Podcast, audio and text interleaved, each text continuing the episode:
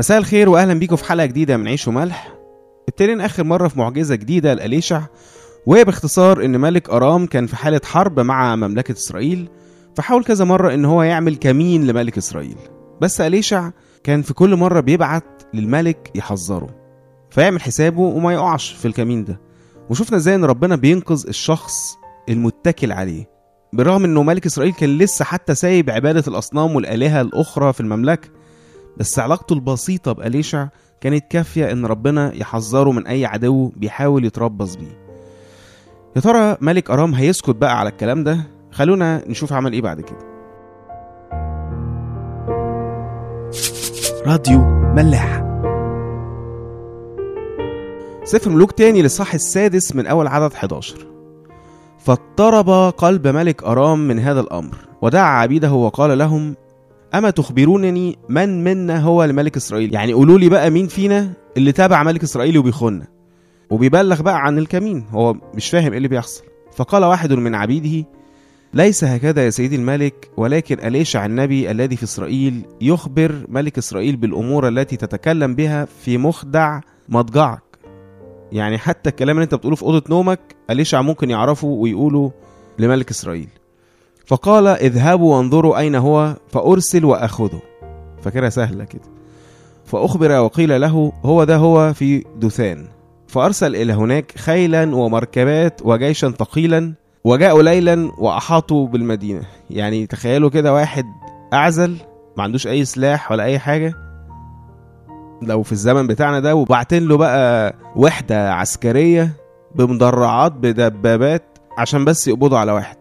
هو ده اللي عمله ملك أرام مع أليشا خيل ومركبات وجيش ثقيل فبكر خادم رجل الله وقام وخرج وإذا جيش محيط بالمدينة وخيل ومركبات. طبعا الخادم طلع لقى المنظر ده اترب. فقال غلامه له آه يا سيدي كيف نعمل؟ رحنا في داهية. فقال لا تخف لأن الذين معنا أكثر من الذين معهم. شوف كل ده اللي هم جولي بيه ده برضو اللي معانا أكتر منهم بكتير. وصلى أليشع وقال يا رب افتح عينيه فيبصر. صعب عليه الولد فصلى ربنا إن هو يفتح عينيه عشان يشوف اللي هو بيحكي له عليه. ففتح الرب عيني الغلام فأبصر وإذا الجبل مملوء خيلا ومركبات نار حول أليشع. وطبعا ده كان أكيد كافي إن الغلام يهدى ويطمن إن أليشع معاه ربنا واللي معاه ربنا ما يخافش من أي حاجة تانية. معظمنا يمكن عارفين القصة دي أو الحادثة دي حتى لو مش بتفاصيلها يعني بس غالبا هنكون عارفين الآية على الأقل. اللي هي لا تخف لأن الذين معنا أكثر من الذين معهم.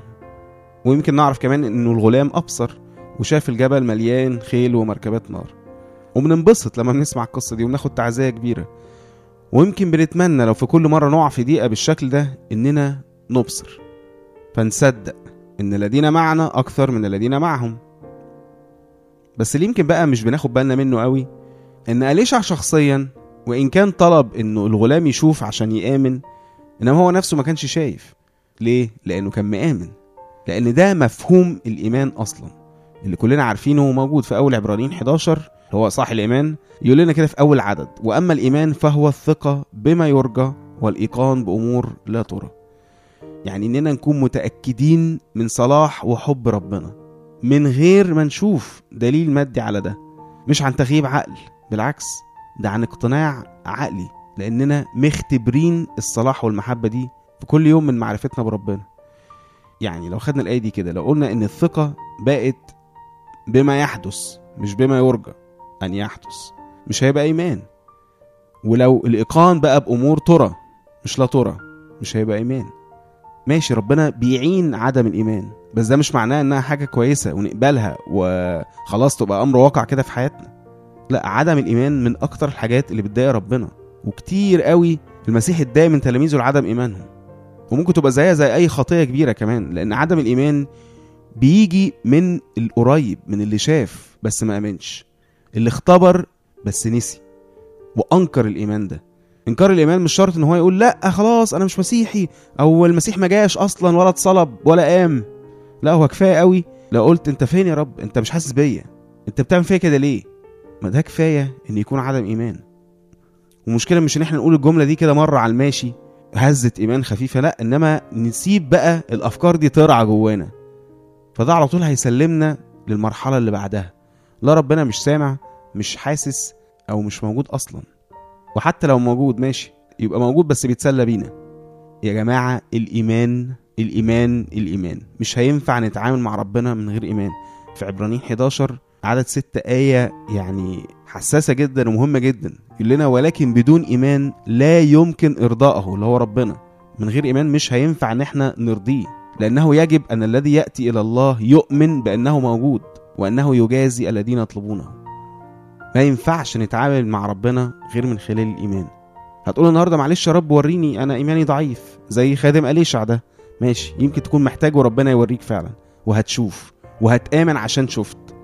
طب هتيجي بكرة وهيحصل موقف أقوى هتعمل إيه ساعتها؟ هتفتكر اللي حصل وهيكون كافي إنك تآمن ولا هتطلب تشوف حاجة أكبر عشان تآمن؟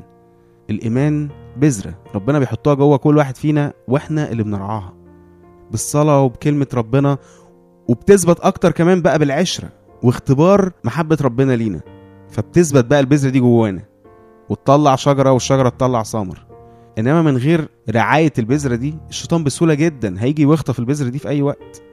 فالإيمان يا موجود يا مش موجود. وعشان كده المسيح كان يقول كتير قوي الكلمة دي يا قليل الإيمان. مش قليل يعني قليل قليل يعني ضعيف ومش مختبر. فمع أول تجربة الشيطان بيعرف إن هو يخطف الإيمان ده. بدليل إيه بقى؟ إن هو نفسه كان بيقول لنا لو عندنا إيمان مهما كان صغير قد حبة الخردل مش فارقة برضه. هنقدر نعمل أي حاجة. ننقل الجبال وللأسف بقى العكس. بدون إيمان ربنا مش هيعرف يشتغل معانا وفينا أصلا. في متى 13 لما المسيح راح المدينة بتاعته يقول لنا آية توجع في عدد 58 يقول ولم يصنع هناك قوات كثيرة لعدم إيمانهم مش هيعرف يعمل معجزات عشان مفيش إيمان. وفي مرقس 6 نفس القصة بس بيقول آية توجع أكتر بقى. في أعداد خمسة وستة ولم يقدر أن يصنع هناك ولا قوة واحدة يعني هو بيحاول بس مش قادر غير أنه وضع يديه على مرضى قليلين فشفاهم ناس كده إيه individual. إنما المدينة بحالها ما كانش عندها إيمان. ويقول لنا بقى حاجة غريبة جدا في عدد ستة وتعجب من عدم إيمانهم. يعني وعدم الإيمان ممكن يوصل ربنا إن هو يتعجب يقول أعمل إيه تاني عشان الناس دي تؤمن؟ في أشعياء خمسة أربعة ربنا بيقول كده ماذا يصنع أيضا لكرمي وأنا لم أصنعه له؟ لماذا إذا انتظرت أن يصنع عنبا صنع عنبا رديئا؟ وده تأثير عدم الإيمان على ربنا. يمكن بقى كتير قوي بنستشهد بالقصة اللي في مرقس تسعة. كان واحد عنده ابنه عليه روح شرير ووداه لتلاميذ المسيح عشان يخرجوه ما عرفوش. فالمسيح اتضايق جدا من التلاميذ وقال ساعتها أيها الجيل غير مؤمن إلى متى أكون معكم؟ إلى متى أحتملكم؟ يعني محتاجين إيه تاني أعمله عشان تأمنوا بالسلطان اللي عندي وبقى عندكم؟ لو آمنتوا بيا فعلا. هاتولي الولد. وفعلا جابوه له والروح بقى ابتدى يضربه ساعتها وبقى يتمرمغ في الأرض فائد السيطرة تماما على نفسه. بس هل المسيح خرجه على طول لا كان ناقص حاجة مهمة قوي الإيمان. وده اللي هنشوفه في كل قصص معجزات المسيح إنه كان دايما المسيح يختبر الإيمان الأول. ليه؟ هل هو كان ذل؟ أكيد لا. إنما عشان لو عمل معجزة وخلاص من غير ما إيمان الراجل يزيد يبقى إيه لازمة المعجزة؟ ما كان المسيح شفى كل العيانين وأخرج كل اللي عليهم أرواح بإشارة من صباعه.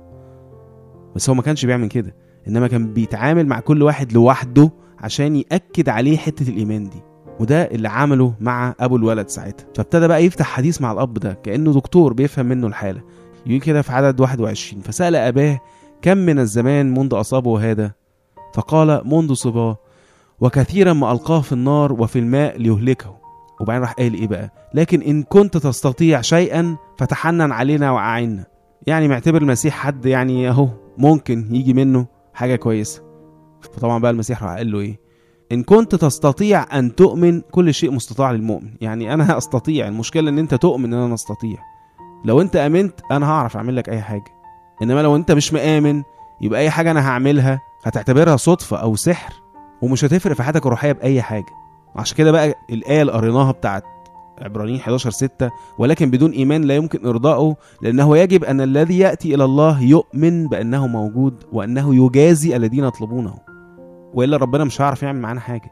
هيعملها ليه؟ ما هي مش فارقة. فقالوا لنا بقى ساعتها فللوقت صرخ أبو الولد بدموع وقال أؤمن يا سيد فأعن عدم إيماني. ودي الجملة اللي إحنا بناخدها بقى بس كده ونمسك فيها ونقولها عمال على بطال. أعن عدم إيماننا. مع إن الراجل كان مآمن. ده راجل اتصدم في تلاميذ المسيح ورغم كده فضل ورا المسيح اللي هو معلمهم. هو كانت مشكلته إن إيمانه اتهز بعد الموضوع ده. فبيقول له يعني لو تقدر تعمل حاجة اعملها. فالمسيح قال له لا إذا كان على القدرة هي موجودة المشكلة فين؟ في الإيمان. كل شيء مستطاع للمؤمن. فساعتها الراجل استوعب إنه كان فعلا فقد إيمانه لما شك في قدرة المسيح. قال له أعن عدم إيماني مش ضعفه أو قلته لأن هو لو كان قليل ما كانش شك. كان هيكون كافي إنه يرمي الموضوع عند المسيح بثقة برجاء بإيمان. زي ما شفنا بقى ناس كتير قوي وإزاي اتعاملت مع المسيح بإيمان. المرأة نزيفه الدم المرأة الكنعانية قائد المئة. ناس تانية كتير كل الناس اللي اتعاملت مع المسيح وعمل معاه معجزات كانت دايما بتبهرنا بإيمانها. والمسيح نفسه بقى ساعتها كان يقول لهم إيمانك قد شفاك. مش أي حاجة تانية. وكان زي بقى ما شفنا إن هو اتعجب من عدم إيمان ناس كان الناس دي اتعجب من إيمانهم. يا ترى بقى إحنا هنكون أنهي فيهم؟ اللي يتعجب من إيمانهم ولا من عدم إيمانهم؟ يا جماعة اختبارات الإيمان مش حاجة بتيجي مثلا كل سنة ولا كل شهر لا دي موجودة كل يوم. كل يوم في حاجة بنعدي بيها بتقول لنا إحنا عندنا إيمان ولا لأ. لازم نركز في الموضوع ده عشان لما نوصل إن إيماننا ابتدى يتهز نجري على المسيح ونقول له بقى من جوه قلبنا فعلا زي ما الأب ده قال يا رب إحنا آسفين إحنا إيماننا بيك اتهز أعن عدم ايماننا رجع لنا إيماننا تاني. وحتى يا جماعة لو ما كانش في مواقف برانة بتحصل مجرد تمسكنا بالصلاة وبسماع كلمة ربنا ده اختبار إيماني. لأنه إزاي ممكن نعيش أصلا ولا نعمل أي حاجة من غير ما ناخد من ربنا الإرشاد والطاقة والنعمة إننا نعملها؟ اللي هو الخبز اليومي اللي بنطلبه منه ده. إزاي هنقدر نعيش؟ في أعمال 17 بولس بيبقى بيوعظ فبيقول كده في النص في عدد 28 آية حلوة قوي لاننا به بربنا يعني نحيا ونتحرك ونوجد. يبقى من غيره هنموت وهنتشل ومش هيبقى لنا أي وجود. يعني الكلام طبعا عن الإيمان مش هيخلص. أتمنى إن كل واحد فينا يراجع كل يوم على بذرة الإيمان اللي جواه دي. يشوفها أخبارها إيه ويرويها. زي ما قلنا بالصلاة والكلمة بتاعت ربنا وبعدين يرعاها ويثبتها ويكبرها بالعشرة واختبار ربنا في كل تفاصيل حياتنا. عشان ننتقل بقى من مرحلة الغلام اللي عايز عينه تنفتح عشان يشوف ويآمن لمرحلة أليشع اللي ما كانش محتاج يشوف عشان يآمن. نشوفكم الحلقة الجاية.